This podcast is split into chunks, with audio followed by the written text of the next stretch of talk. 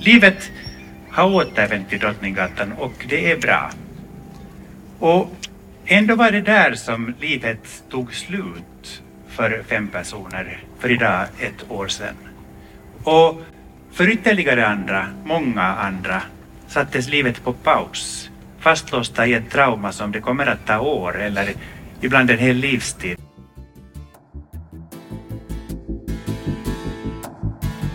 Du lyssnar på Sveriges viktigaste podd, Trygghetspodden, från din trygghet med Anders Königsson.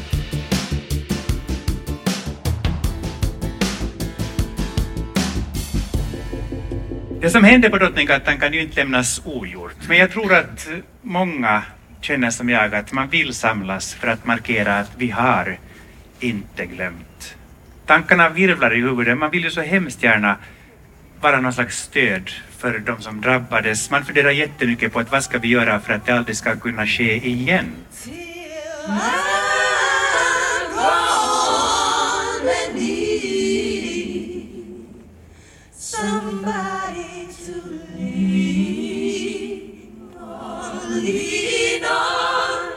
Vi ska börja med att lyssna på vår statsminister Stefan Löfven. Först av allt vill jag rikta mig direkt till er som förlorade någon ni älskar. Ett år har gått. Ett år av chock, av sorg, av saknad. Men i allt detta avgrundsdjupa och smärtsamma förstår jag att ni också bär med er ljusa minnen. Minnen av ett samtal, ett leende, en blick, en kram. Allt det som skapade kärleken och som också nu gör att saknaden är så stor. Men som också i allt mörker kan få oss att hylla livet eftersom just det gett oss så fina människor att älska.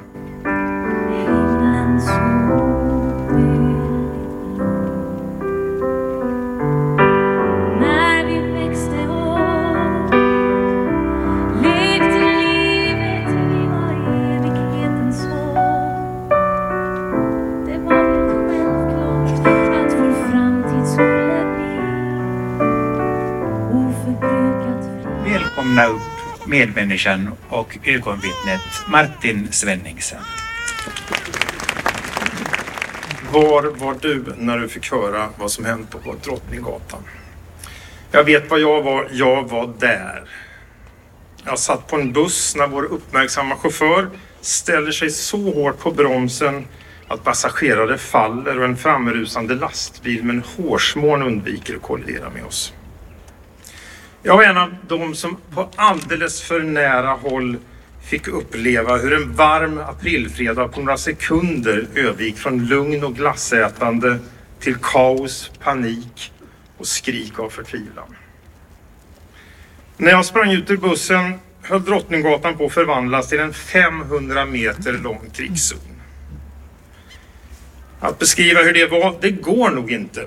Vi kan tala om kaos, vi kan tala om förtvivlan, men bara de som var på plats kan fatta. Jag minns lukterna. Lukten av blod, metall som dras mot sten, hydraulolja och skräck. Jag minns hur några av oss försökte rädda en människas liv och den totala uppgivenheten när vi insåg att vi inte skulle klara det. Något som blivit som ett dåligt samvete som jag kommer att få leva med resten av mitt liv. Men jag minns också något annat. Alla ni som hjälpte till den dagen, och ni är så många, ni är hjältarna.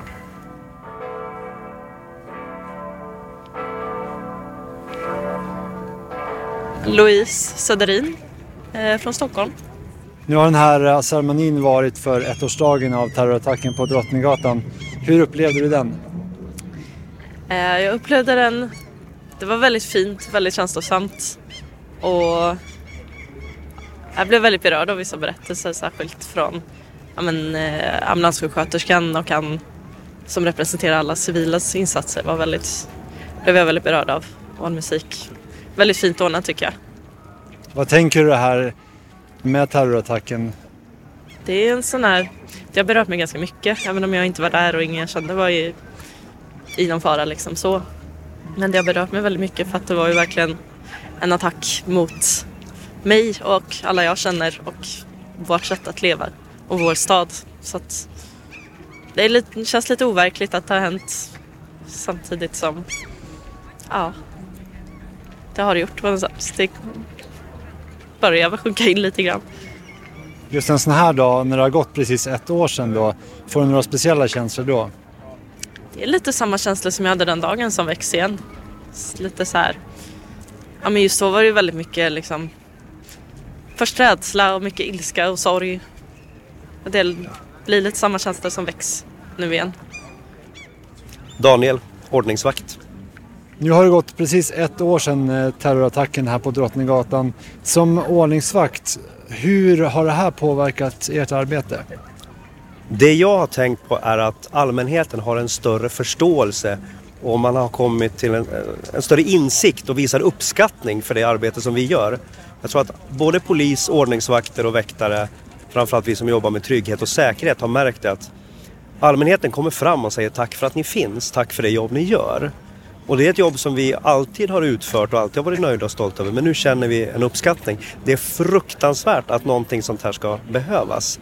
Men nu förstår människor varför vi visiterar vid konserter. De förstår varför vi plockar bort väskor som är kvarglömda. Det är inte för att vi ska stjäla någons skolryggsäck utan att det kan vara farliga föremål i. Och det uppskattar människor så det känns väldigt bra. Henrik Smid heter jag och jag är sjuksköterska och idag så har vi arbetat med förebyggande sjukvård här och vi har funnits på plats om någonting skulle hända här i Kungsträdgården. Hur har det här påverkat ert arbete i ambulans och sjukvårdsyrket?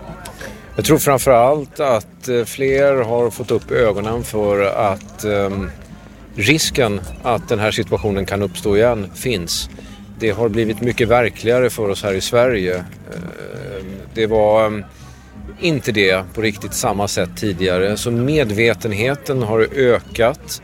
Eh, jag tror också att man kan säga att den mentala förberedelsen för att det här skulle kunna inträffa igen är större idag bland oss som arbetar i ambulanssjukvården där jag själv jobbar än vad den var tidigare. Vi har ehm, fler övningar.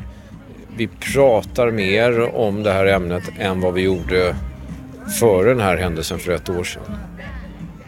Hur nära ligger en terrorattack till hands i ert dagliga arbete?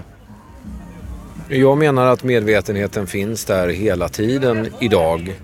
Eh, och vi som arbetar med akutsjukvård i Stockholm, vi är på ett helt annat sätt idag förberedda för eh, den här händelsen och att utfallet till och med eh, skulle kunna bli värre än vad det blev på Drottninggatan vid det här tillfället. Sen så eh, behöver vi öva ännu mer. Vi behöver samverkan mellan eh, olika verksamheter, polis, räddningstjänst och sjukvård för att lösa en sån här uppgift om den skulle bli verklig.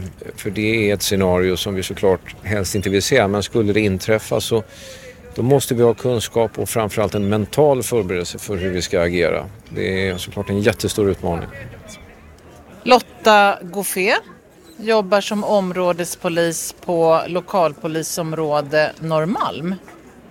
Jag åkte radiobil tillsammans med en kollega och eh, när, när jobbet gick ut så slutade det med att vi hamnade vid Kungsgatan, Drottninggatan ganska snart efter att eh, lastbilen hade passerat. Så det blev ju fullt fokus på att säkra området och få bort folk från eh, området som var drabbat då. Så att eh, det inte skulle bli något mer ifall det skulle komma någon ytterligare attack.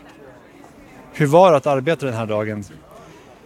Jag kommer ju glö aldrig glömma den, jag kommer minnas den resten av livet. Det blev väldigt fokuserat på arbetsuppgiften. Att få bort folk från området för att dels ambulanspersonal ska kunna jobba i fred, dels se till att ingen skulle bli drabbad om det hände någonting mera. Och sen minns jag att jag stod i korsningen Kungsgatan-Sveavägen klockan sex på eftermiddagen och det jag såg det var blåljus och eh, personal inom 112-sektionen som arbetade. Allmänheten lyste ju med sin frånvaro tack vare att vi hade motat bort dem. Men det var en väldigt konstig dag och det var alldeles tyst i centrala Stockholm. Tänker du ofta på den här dagen? Ja, det gör jag. Och jag påminns ju om den varje dag som jag arbetar och går kring eh, Klara-kvarteren. Absolut. På vilket sätt påminns du om den? Man går förbi Lejonen, vi går förbi Åhléns, vi går förbi korsningen Kungsgatan, Sveavägen etc. etc. Hur ska man förhindra att det här händer igen då? Det är svårt att veta men återigen vara vaksam på felbeteenden. Man är lite vaksam för fordon. Det är det som ligger nära till hands eftersom det var det vi utsattes för. Sen kan man ju inte säga exakt hur en terrorist ser ut. Men eh, vi får göra så gott vi kan. Och några hundra meter därifrån, på Drottninggatan, precis vid Åhlénshuset, det var här lastbilen körde in. Och här läggs det nu mängder med blommor, precis som det gjorde för ett år sedan efter att attacken hände. Och eh, det är många som stannar till och tittar och minns och tänker tillbaka på den där dagen. Johanna Sivertsson. Jag blir bara glad över att folk fortfarande minns det och lämnar blommor här och verkligen uppmärksammar det. För att det, det var en så stor grej och alla, alltså i hela Sverige, blev ju påverkade utav det. Och då tycker jag bara det är så fint att man inte glömmer. Älskling, jag vet hur det känns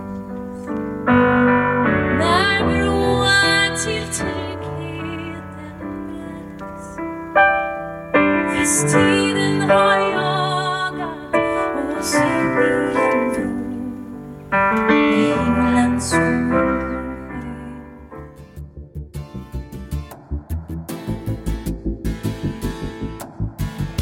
Du har hört ett avsnitt av Trygghetspodden. Fler avsnitt finns på dintrygghet.nu.